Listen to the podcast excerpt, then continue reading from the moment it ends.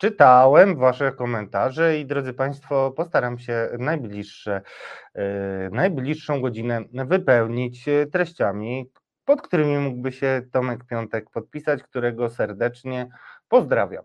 E, I bez zbędnych ceregieli, w oczekiwaniu na gościa, z którym porozmawiamy o innym materiale, który robiliśmy z Tomkiem Piątkiem odnośnie no nazwijmy to delikatnie, nie frasobliwości, a mówiąc e, wprost, kompromitacji kontrwywiadu, która pozwoliła na zatrudnienie żony mm, pana Mateusza Piskorskiego, który niemal trzy lata spędził w areszcie, oskarżony o, nie, jeszcze nie oskarżony, na razie podejrzewany o to, że jest e, agentem rosyjskim wpływu, co najmniej, a może jeszcze coś więcej. Także jak to było możliwe i jaka to jest e, instytucja? E, porozmawiamy z Jarosławem Jakimczykiem, jednym z najwybitniejszych dziennikarzy śledczych w historii wolnych mediów w Polsce. Także na tą rozmowę jeszcze chwilkę poczekajcie, drodzy Państwo, bo wydarzyła się bardzo istotna rzecz, na którą także Tomek e, zwrócił mi uwagę, kiedy referowałem mu, jak zamierzam go zastąpić i z jakimi tematami. I okazuje się, drodzy Państwo, że po, można powiedzieć, latach milczenia, Jarosław Kaczyński odniósł się do wszystkich pytań dotyczących wpływów rosyjskich i dziwnego wpisywania się w agendę rosyjską E, naszej władzy polskiej. Znaczy, z rozpędu powiedziałem, że do wszystkich pytań, ale oczywiście, że nie do wszystkich pytań, bo na przykład spotkania z mm, człowiekiem e, współpracującym z rosyjskimi służbami na początku lat 90., które Tomek Piątek opisywał mm, na łamach Newsweeka, nie zostały w żaden sposób skomentowane i wyjaśnione i szereg różnych innych rzeczy. Natomiast to, co jest, drodzy Państwo, istotne, to to, że Jarosław Kaczyński nagle mm, odniósł się, oczywiście w swoim stylu, mm, do tych wątpliwości, które e, Tomek e, Piątek często formułuje, e, nie tylko wobec Jarosława, ale także wobec wielu innych polityków PiS. I cóż to prezes powiedział, mm, drodzy Państwo, o mediach i o swoich no, prorosyjskich różnych e, działaniach. I tutaj oczywiście mm, zacznijmy od tego, że prezes zrobił analizę debaty publicznej i powiedział tak. Potężną kulą u nogi naszej debaty publicznej ciągle są media. W Rosji media karmią ludzi przekazami nie mającymi nic wspólnego z rzeczywistością, wręcz będącymi jej brutalnym i ordynarnym zaprzeczeniem. I u nas też są media, które działają co najmniej podobnie. I teraz uwaga, daleko nie trzeba szukać. Jedna z telewizji, kilka gazet, parę portali non-stop prezentują nas jako partię popierającą Putina. My prowadzimy najbardziej skuteczną politykę uniezależniania się energetycznego od Rosji w Europie, wspieramy Ukrainę w walce z Rosją wszelkimi sposobami, w tym przekazując na wielką skalę broń i dostarczając wszystko, co potrzebne, a i tak mówią o nas, że jesteśmy sojusznikami Kremla. Tak właśnie działa rosyjska propaganda. I my te rosyjskie standardy widzimy w pewnych mediach powiedział Jarosław Kaczyński Gazecie Polskiej, która ukaże się w środę. No ale to tak mamy takie oryginalne podejście do dawkowania różnych mądrości Jarosława y, Kaczyńskiego. To trwa kilka dni. Zasięgi nie są spektakularne, jeśli chodzi o periodyki prawicowe, w związku z czym trzeba się ratować, ale zatrzymajmy się e, na meritum. Meritum jest takie, że po raz pierwszy Jarosław Kaczyński e, odniósł się jakby próbując wyszydzić e, nasze starania, by dociec wszystkich przyczyn tego, w jaki sposób polska polityka jest infiltrowana rosyjskimi treściami, dlaczego partia rządząca wpisuje się między innymi w doktrynę Gerasimowa, A także, co ciekawe, mm, mm, niemiecki agent, bo tak właśnie przedstawiony jest Donald Tusk, y, były przewodniczący Rady Europejskiej, premier i szef Europejskiej Partii Ludowej, konsekwentnie za pomocą Für Deutschland, y, powtarzanego do znudzenia w dzienniku nazywanym dla niepoznaki wiadomościami, mm, był do tej pory przedstawiany jako niemiecki agent. I co? Teraz okazuje się, że wpisuje się w rosyjską narrację i o tym tak, taki zarzut sformułował Jarosław Kaczyński, który stwierdził, że prawie zawsze Donald Tusk wpisuje się w rosyjskie narracje. No ciekawe, ciekawe. Y, ja jestem, drogie trole, zafascynowany tą tezą, jeśli byście były skłonne jakby ze swoich czeluści piekielnych wynurzyć się i podać mi jakiś pół e, argumentu za tą śmiałą tezą, będę zobowiązany. I na koniec programu jeszcze powiem, e, jak to e, należy mm, analizować i dlaczego jest to istotne. Screeny, które tak lubicie i do których Tomek przyzwyczaił, czekają, w związku z czym będę mógł Wam o tym opowiedzieć. Witam wszystkich forumowiczów, a przede wszystkim teraz e, po naszym powitaniu resetariani i resetarianki zapraszam mojego i Państwa gościa Jarosław Jakimczyk, dziś kompromat, niezależny e, dziennikarz, e, ale ciągle klasa. Dobry wieczór Jarosławie. Dobry wieczór Państwu. Dziękuję, że znalazłeś czas. Mamy przed sobą ważną godzinę, bo zastępujemy Tomka, czyli powiedziałem, zamiast jednego dziennikarza śledczego mamy dwóch. Musimy się sprawdzić, więc czuj y, swoją odpowiedzialność na barkach. I powiedz mi, dlaczego Twoim zdaniem historia pani Ewy Bartosiewicz, bo tak się nazywa teraz, była żona Mariusza Piskorskiego, jest y, tak istotna w ocenie możliwości polskiego kontrwywiadu. Przypomnijmy, Mateusz Piskorski oskarżany o szpiegostwo i sama jego żona też mocno zaangażowana kiedyś w tworzenie partii, jak rozumiem, partii Zmiana prorosyjskiej ostentacyjnie. E, czy tacy ludzie w ogóle powinni mieć jakąkolwiek styczność nawet nie tyle z tajemnicami, ale z osobami, które e, mają dostęp do różnych tajemnic. To już e, sam rozwlekę trochę tę kontrowersję. Jarosławie, proszę. No cóż, wobec byłego męża Ewy Bartosiewicz-Piskorskiej, Mateusza Piskorskiego, obecnie nie jest stosowana sankcja prokuratorska. Żadna. Sąd, tak. Sąd zwolnił e, Mateusza Piskorskiego e, z aresztu śledczego. W związku z tym może on cieszyć się i radować e, wolnością. I może, może tłumaczyć na przykład zabiegać. spotkanie, może, przepraszam, że wchodzę w słowo, może tłumaczyć spotkanie pani prezydent. No ma zdolność, nie będę ci już przeszkadzał, ale ma zdolność do takiego wkręcania się w miejsca, w których można coś ciekawego usłyszeć, sfotografować się z kimś, a może coś jeszcze. To też jest takie trochę zastanawiające, ale sąd zdecydował. Jarku, już obiecuję, nie będę przeszkadzał. Myślę, że w wyniku pewnego splotu okoliczności, dość niefortunnych z punktu widzenia mm, pierwszej damy, doszło do tego pożałowania godnego incydentu w miejscowości Brańszczyk.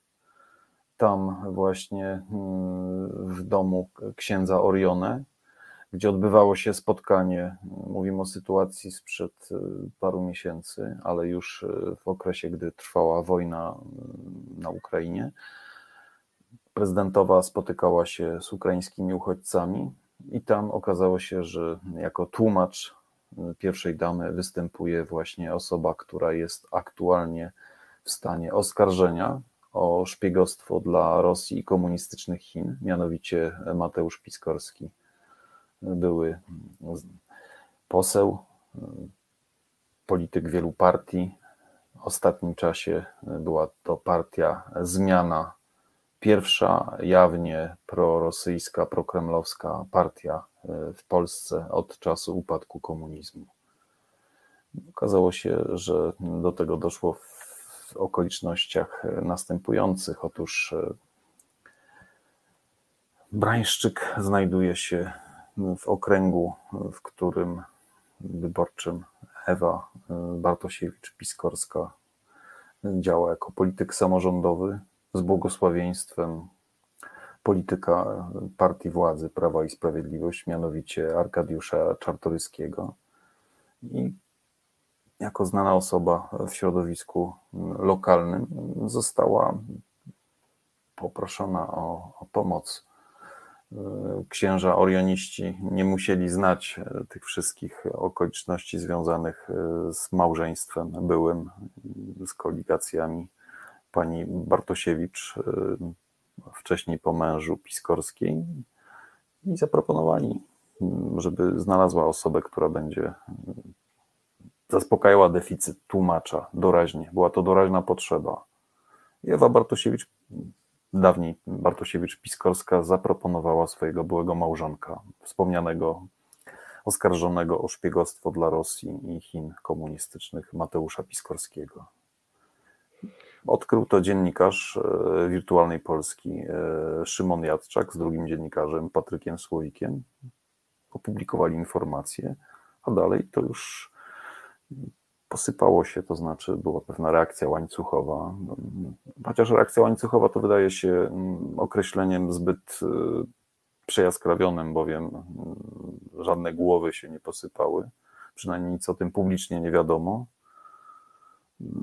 Ewa Bartosiewicz przestała być członkiem Rady Nadzorczej jednej ze spółek zależnych e, NASK SA, czyli spółki, do której przeniesiono wszystkie wartościowe aktywa mm, naukowego Państwowego Instytutu Badawczego NASK, czyli Naukowej Akademickiej Sieci Komputerowej.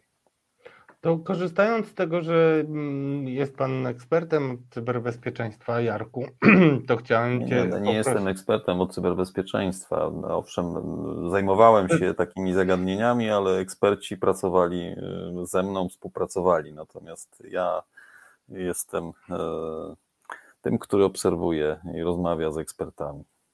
Ponieważ jesteś rzetelnym dziennikarzem zajmującym się e, cyberbezpieczeństwem. Staram i- się nie przekraczać progu swoich kompetencji. No bardzo za to dziękuję. To był skrót myślowy i przyjąłem ten, yy, tę uwagę. Jarosławie, ale powiedz nam, czym jest NASK? To znaczy, żebyśmy też mieli pełną świadomość. Naukowa Akademicka Sieć Komputerowa brzmi mało seksownie, a tymczasem jest to istotna e, instytucja, która między innymi zarządzała domenami, ale wieloma innymi sprawami. Powiedzmy, o co chodzi i dlaczego Załóżmy, że jesteśmy takim Władimirem Putinem albo jakimś innym szefem obcego wywiadu i myślimy sobie, o, mamy taką opcję, żeby wstawić e, człowieka, na którego jakieś mamy przełożenie, takie czy inne, m, do takiej instytucji jak NASK. Czego on może szukać, co może tam znaleźć? NASK jest jednym z trzech newralgicznych elementów krajowego systemu e, cyberbezpieczeństwa. Mamy te elementy następujące. Jeden znajduje się w strukturze Agencji Bezpieczeństwa Wewnętrznego, odpowiada za cyberbezpieczeństwo na poziomie instytucji rządowych. Drugi w Ministerstwie Obrony Narodowej odpowiada za cyberbezpieczeństwo na poziomie obronności państwa. A trzeci to jest ten obywatelski, także odpowiadający za bezpieczeństwo instytucji y, takich jak szkolnictwo wyższe, y, jak bezpieczeństwo obywateli w cyberprzestrzeni. I one ze sobą współpracują. NASK ściśle przez lata współpracował z Agencją Bezpieczeństwa Wewnętrznego, rozwijając pewne kompetencje i technologie, jak Arakis to było narzędzie umożliwiające monitorowanie zagrożeń w cyberprzestrzeni, zagrożeń dla mm, sieci, zarówno tych, które działają mm, na rynku, jak i tych, które są ulokowane w instytucjach publicznych, bo był też Arakis Gov. Zresztą to rozwiązanie mm, teleinformatyczne było bardzo wysoko ocenione przez e, ekspertów z rynku.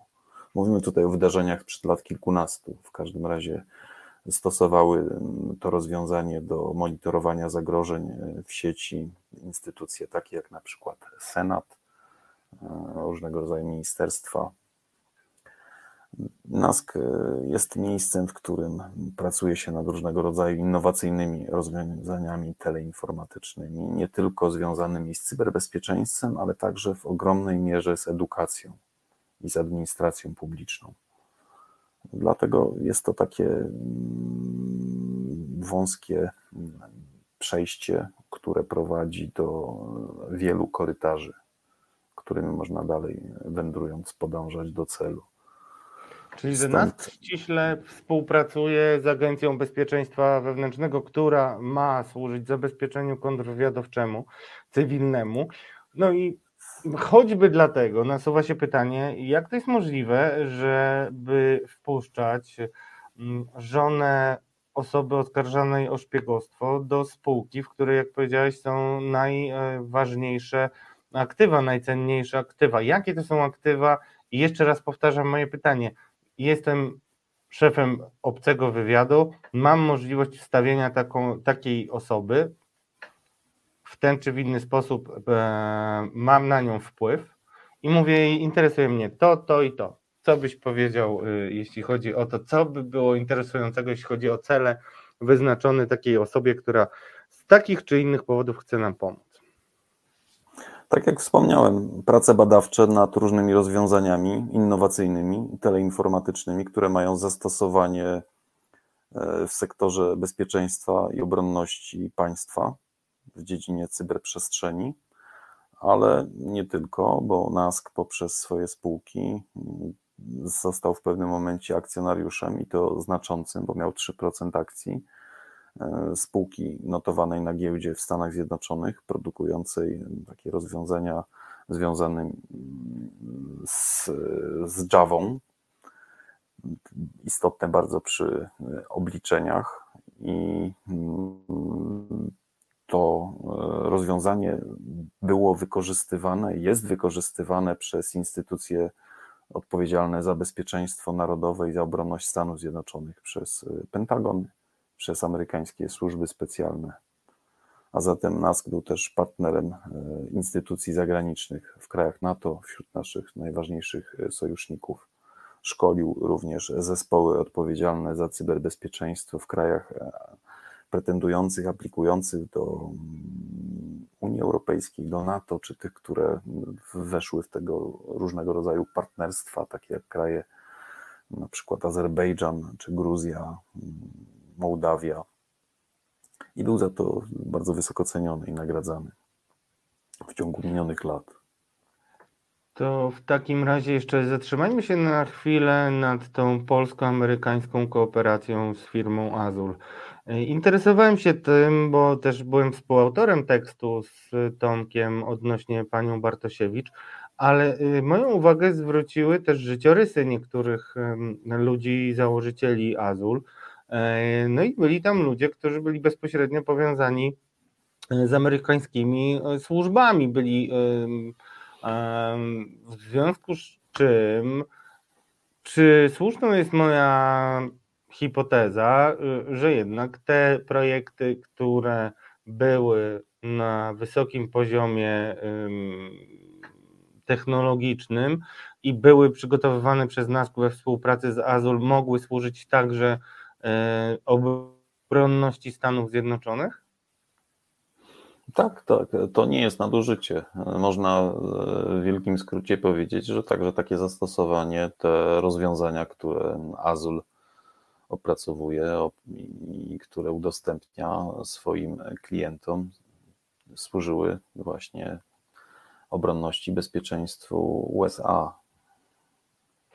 Czyli osoby, które ja jako szef zagranicznej służby wywiadowczej wysyłam do NASK-u, mogłyby być zadaniowane e, w ten sposób, żeby na przykład zainteresować się tym, na czym ta współpraca polegała, bo ja osobiście nie słyszałem o specjalnie wielu tego typu przedsięwzięciach, jeśli chodzi o współpracę polskich i amerykańskich naukowców w tak newralgicznym temacie, jakim jest e, Java, o której, e, czyli o której wspominałeś. No, trudno znaleźć lepsze miejsce w Polsce mm, niż właśnie mm, spółka NASK for Innovation. która właśnie była właścicielem 3% kapitału akcyjnego amerykańskiej spółki Azul Systems Inc. To w takim właśnie, razie. Mhm. Przepraszam, myślałem, że. Właśnie ze względu na ten stosunek właścicielski i te relacje, które wykraczały daleko poza rela zwyczajne relacje partnerskie, tylko przez dostęp do e, spółki amerykańskiej już bezpośredniej na poziomie właścicielskim. To, ty, to, tylko powiedzmy informacyjnie, bo to też wspomniałeś o tym, że, że byliśmy udziałowcem, już tym udziałowcem nie jesteśmy. I tutaj nasuwa się takie pytanie, czy to jest przypadek, że przestaliśmy być udziałowcem po tym, jak do władzy doszedł PiS, ale tutaj od razu zdementujemy. Tam jest kwestia nabycia firmy Azul przez duży fundusz, w związku z tym trzeba było to uporządkować i ja bym tutaj nie przywiązywał do tego wagi. Ale jeszcze jedna rzecz, na przykład e, w NASK-u pracował e, brat ważnego funkcjonariusza mm, ABW, pan Loba. I teraz wspomnieliśmy o współpracy. Gdybyśmy teraz zamienili się w szefa kontrwywiadu z kolei Polski i chcielibyśmy sprawdzić, co zawiodło, to gdzie mielibyśmy szukać? Przepraszam, nie usłyszałem pytania. Gdzie mielibyśmy szukać e, e, tych e, osób, które powinny odpowiedzieć za to, że do takiego angażu, i to nie na byle jakim szczeblu, bo tam była przecież kwestia mm, zarządu, prawda? W tak. spółki córki. Akurat Mana Solid się ona nazywała. Kto mógł, kto powinien tego pilnować? W pierwszej kolejności stawiałbym pytania mm, byłemu ministrowi cyfryzacji i posłowi e, Markowi Zagórskiemu. E, Marek Zagórski wywodził się ze Szczecina e, i ze Szczecina wywodzi się wiele osób, które odgrywały w tym, nazwijmy to umownie, zamieszaniu związanym z pojawieniem się Deus Ex Machina Mateusza Piskorskiego na spotkaniu pani prezydentowej z ukraińskimi uchodźcami. Otóż e, Marek Zagórski jest, można powiedzieć, dzieckiem w przenośni znanego niegdyś polityka mm, aktywnego bardzo w okresie opozycji demokratycznej jeszcze, a potem od 1989 roku już w życiu parlamentarnym, w życiu publicznym, szerzej mówiąc, Rzeczypospolitej Polskiej Artura Balasza, który był przez pewien czas ministrem rolnictwa. Artur Balasz miał w pewnym okresie partię, znaczy był działaczem prominentnym partii Stronnictwo Konserwatywne Ludowe. Tam e, szlify polityczne pod jego okiem zdobywał Marek Zagórski, który ostatecznie w 2001 roku został e, pierwszy raz posłem Platformy Obywatelskiej. No, on był długą drogę, bo w międzyczasie był związany też z innymi ugrupowaniami. A jest też bardzo majętnym człowiekiem, co jest dość istotne. Na, Mówimy o Arturze zachodnim... Balaszu czy o tak, Marku Zagórskim? Artur Balasz, Balasz jest owszem majętnym człowiekiem, właścicielem dużego areału ziemi e, po dawnych państwowych gospodarstwach rolnych, po dawno już nieistniejącej Agencji Własności Rolnej Skarbu Państwa która zmieniła nazwę na Agencję Nieruchomości Rolnych, na Wyspie Woli, nazywany był czasami feudałem z Wolina przez e, złośliwych obserwatorów życia politycznego. W każdym razie był to taki i pozostał polityk działający gabinetowo i zakulisowo, niewidoczny na pierwszej linii, na froncie pierwszym życia politycznego, ale działający w głębi na zapleczu. Bardzo skuteczny. Utrzymując rozległą sieć kontaktów z różnymi środowiskami politycznymi. A nawet z samym prezesem e, na Nowogrodzkiej e, czasami się widujący. Także to Owszem, no. jest.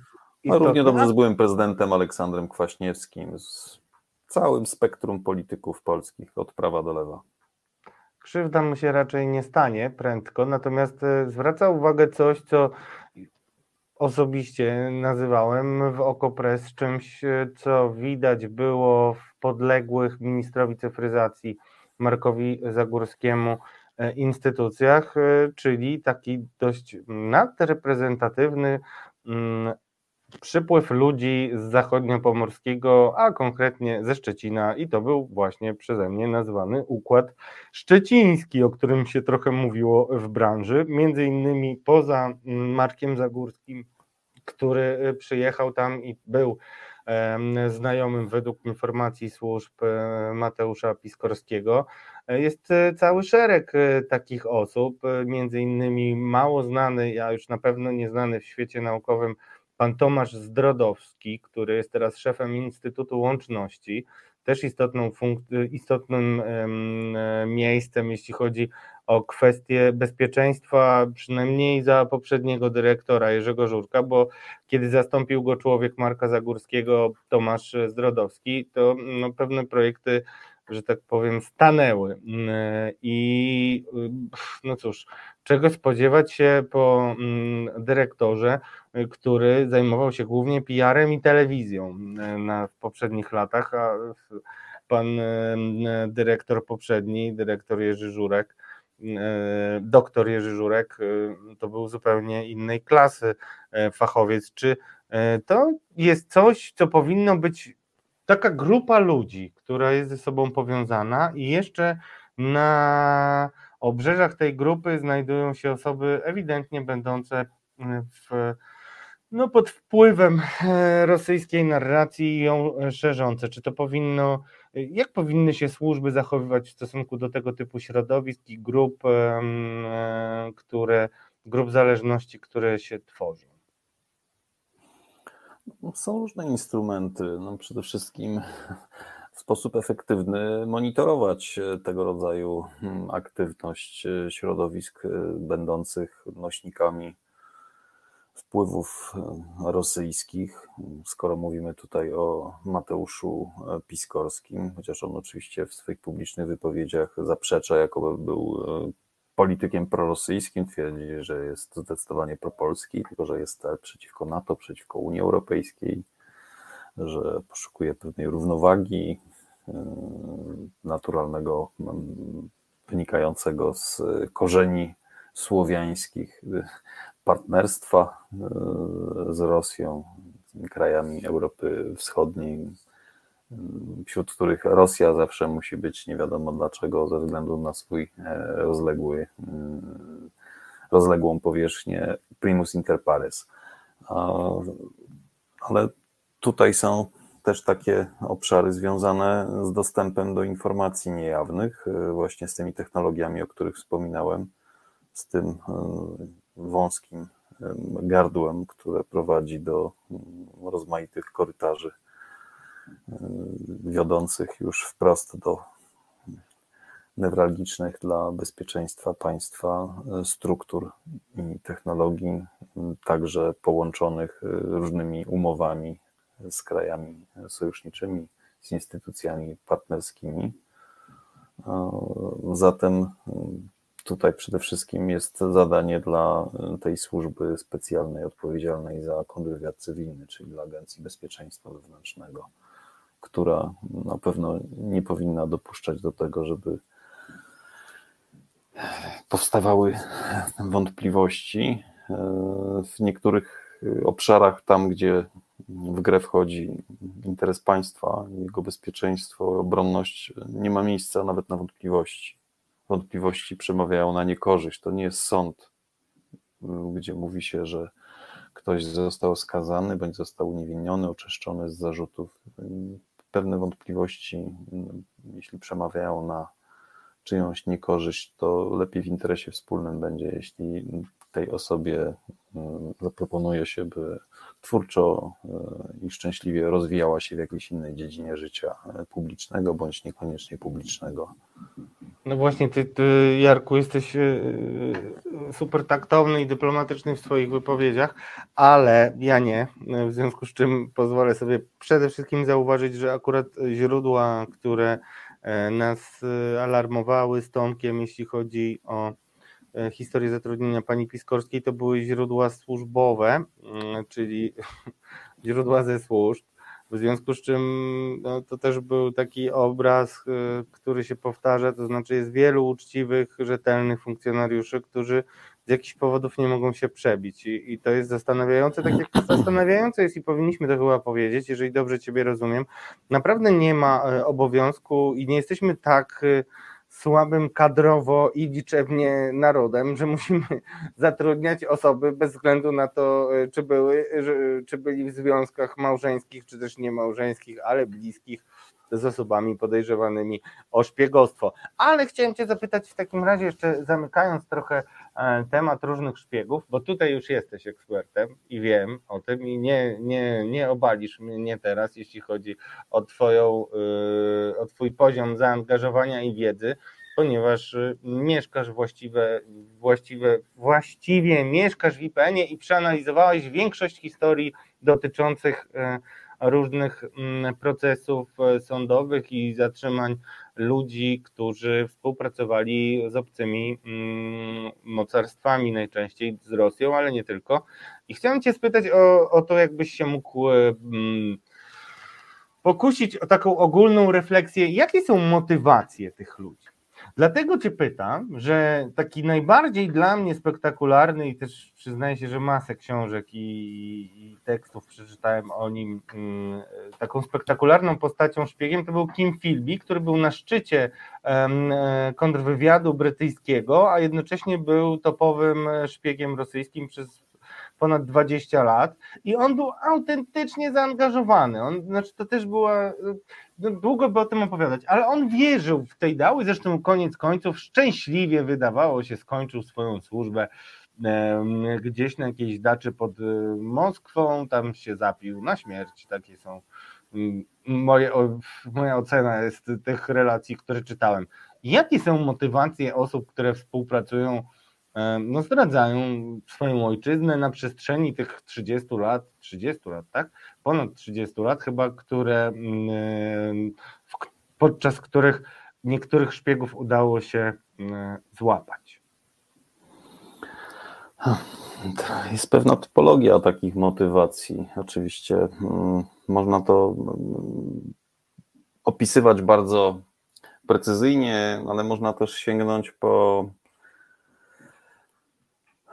taką formułę, którą kiedyś e, przed wieloma laty e, usłyszałem od jednego z żołnierzy nieistniejących już wojskowych służb informacyjnych, który powiedział, że w zasadzie to można się można sprowadzić te motywacje do mm, trzech obszarów.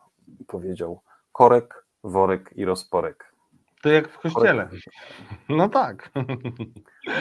tak. W kościele. Tylko Kościół zdradzał wiarę, no to taka, przepraszam, dla niektórych y, mało istotna kwestia. Y, ale ja myślę, najczęściej... że on trywializował jednak, że czegoś nie wspomniał, co jest bardzo istotne, bo korek to oczywiście oznacza pewne słabości y, do używek, rozporek skłonności do używania sobie życia erotycznego. Nadmierny promiskuityzm kiedyś powiedziałeś e, e, tak. w rozmowie ze mną. To, to bardzo mi się spodobało. Przepraszam, musiałem. Można to tak określić. A worek oznacza tutaj e, mieszek, szkatułkę, do której zbiera się walory pieniężne. Natomiast jest jeszcze próżność ludzka.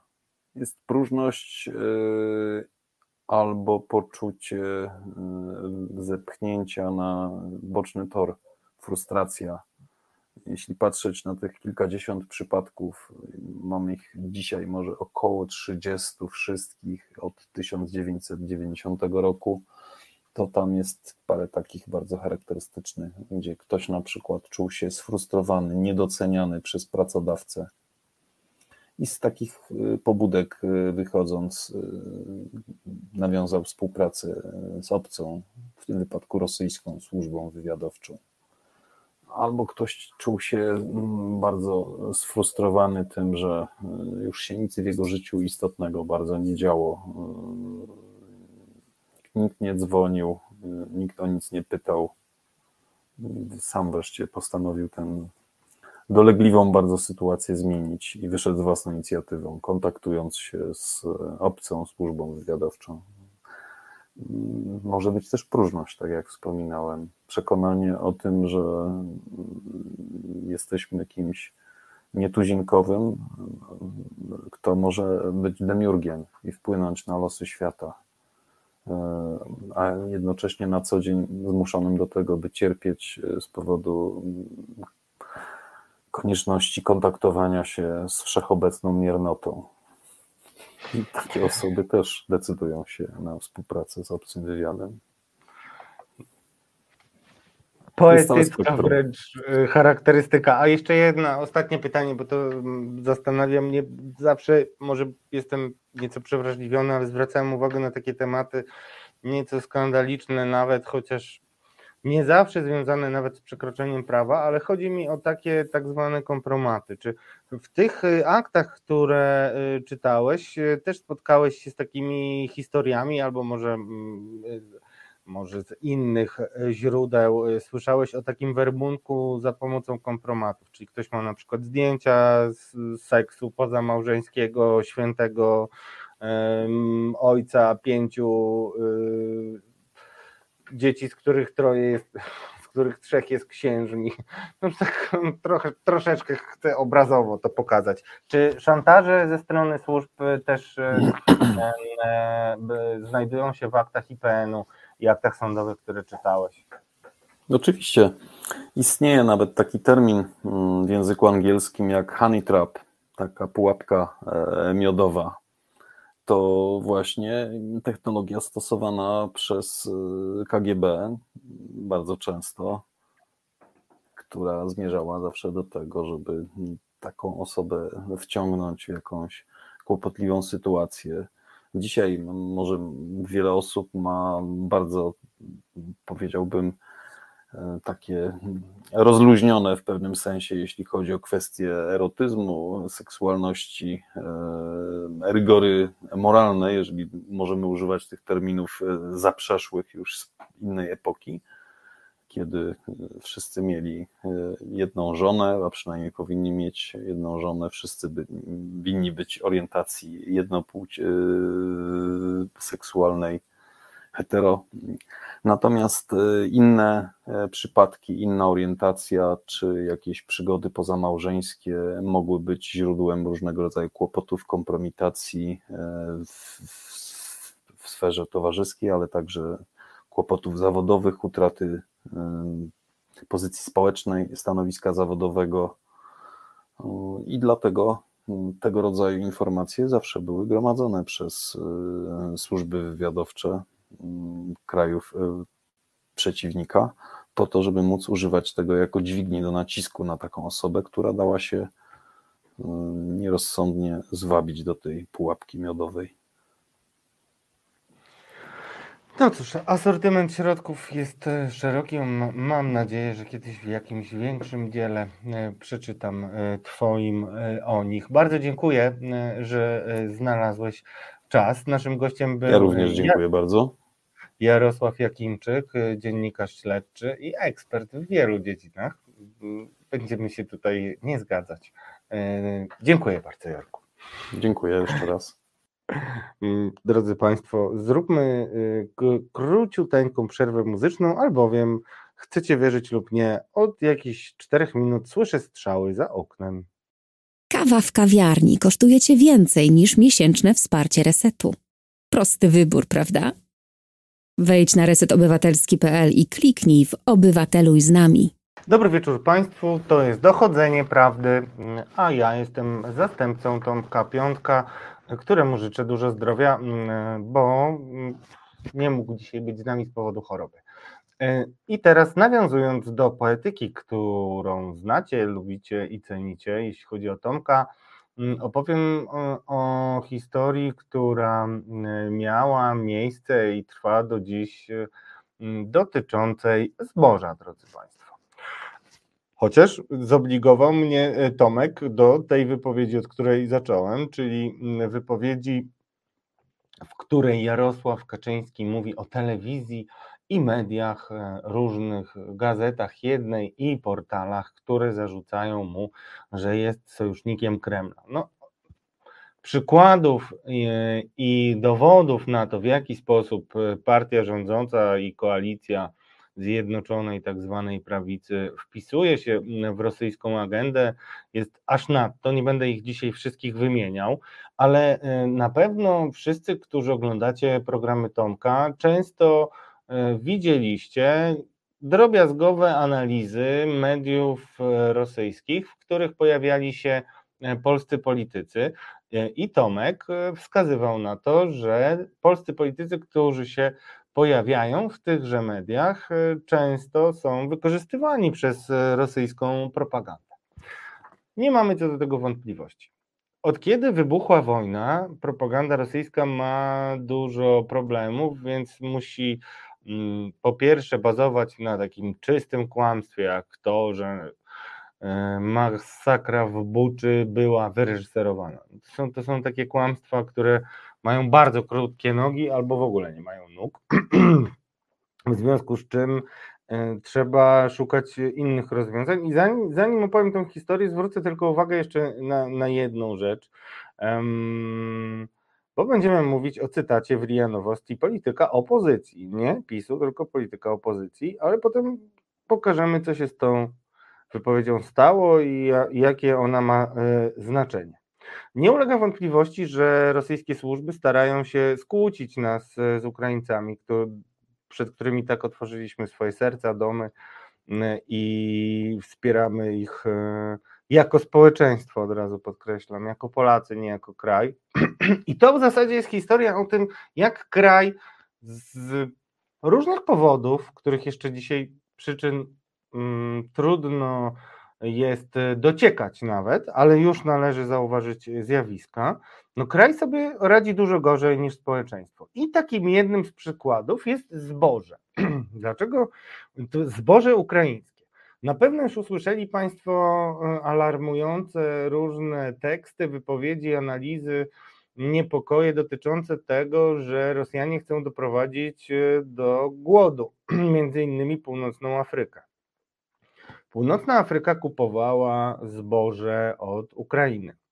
E, Ukraina była dużo większym producentem i eksporterem e, zboża na świecie niż Polska. I teraz Donald Tusk podczas jednej ze swoich wizyt w polskich miasteczkach e, powiedział, że musimy oczywiście Ukraińcom pomagać, ale już kwestia tego, że przyjmujemy do siebie y, ich y, zboże i pomagamy im z ich zbożem, zaraz jeszcze postaram się konkretny cytat Państwu zaprezentować. Donald Tusk powiedział, że jeżeli pomagamy im, no to, to może się odbić na polskich rolnikach, bo to zboże ukraińskie na polskim rynku może spowodować straty rolników. Straty, oczywiście chodzi o zarobek, bo jeżeli będzie ukraińskie zboże, to może nie zostać wykupione zboże polskie. Tak już najbardziej prosto mówiąc. I teraz Donald Tusk został zacytowany przez RIA Nowosti właśnie z tą wypowiedzią. Oczywiście ona ma taki posmak, który no, szczególnie ci szantażujący nas tym, że nie możemy nic powiedzieć y, złego y, o działalności w zakresie pomocy Ukraińcom, mm, bo będziemy rosyjskimi pachołkami, jest już Wam pewnie znana. Takie szantaże moralne ze strony prawicy mm, trwają i trwają. W ten sposób wiele różnych rozwiązań legislacyjnych, nieoczywistych, można przemycić po to, żeby uzyskać polityczny interes e, w imię oczywiście walki z rosyjskimi wpływami, którą przecież, do której razem z Tomkiem i całym resetem wzywamy od lat. Więc po pierwsze, y, nie jest prawdą to, co mówi prezes Kaczyński, że jest jakaś telewizja i, y, i media mainstreamowe, które mówią o Rosji, bo to jest zdecydowanie za dużo powiedziane. Jeśli chodzi o telewizję, to my jesteśmy taką telewizją, INSPE. Na razie jesteśmy radią y, i my rzeczywiście mówimy o tym dużo, natomiast inne telewizje wcale nie podejmują tak mocno tych tematów. Wręcz bym powiedział, że no, zawodzą na tej linii, tak bym powiedział. Ale co tutaj się stało, jeśli chodzi o to zboże i o to, jak y, prezes y, do tego podszedł? A no właśnie, prezes, wypowiadając się o tym, że nie jest y, piątą kolumną, mówi to po to, żeby zaatakować Donalda Tuska. Bo wprawdzie nie w tym samym wywiadzie, nie, może w tym samym wywiadzie nawet, ale w każdym razie w tym samym czasie pojawia się też wypowiedź Jarosława Kaczyńskiego, który E, który mm, odpowiada Tuskowi. I teraz spójrzmy na screen pierwszy, czyli e, pana Tuska w tygodniku do rzeczy, jak żeby inaczej, czyli tym tygodniku, który e, jest najbardziej w swoim przekazie mm, umiłowanym tytułem Władimira Putina. No i tutaj widzimy początek prawicowej inby, a w zasadzie nie inby, tylko takiej narracji i prowokacji. Rosyjskie media cytują słowa Tuska o polskich rolnikach, no i przez kilka dni to jest powtarzane w dzienniku, w TVP, w prawicowych mediach.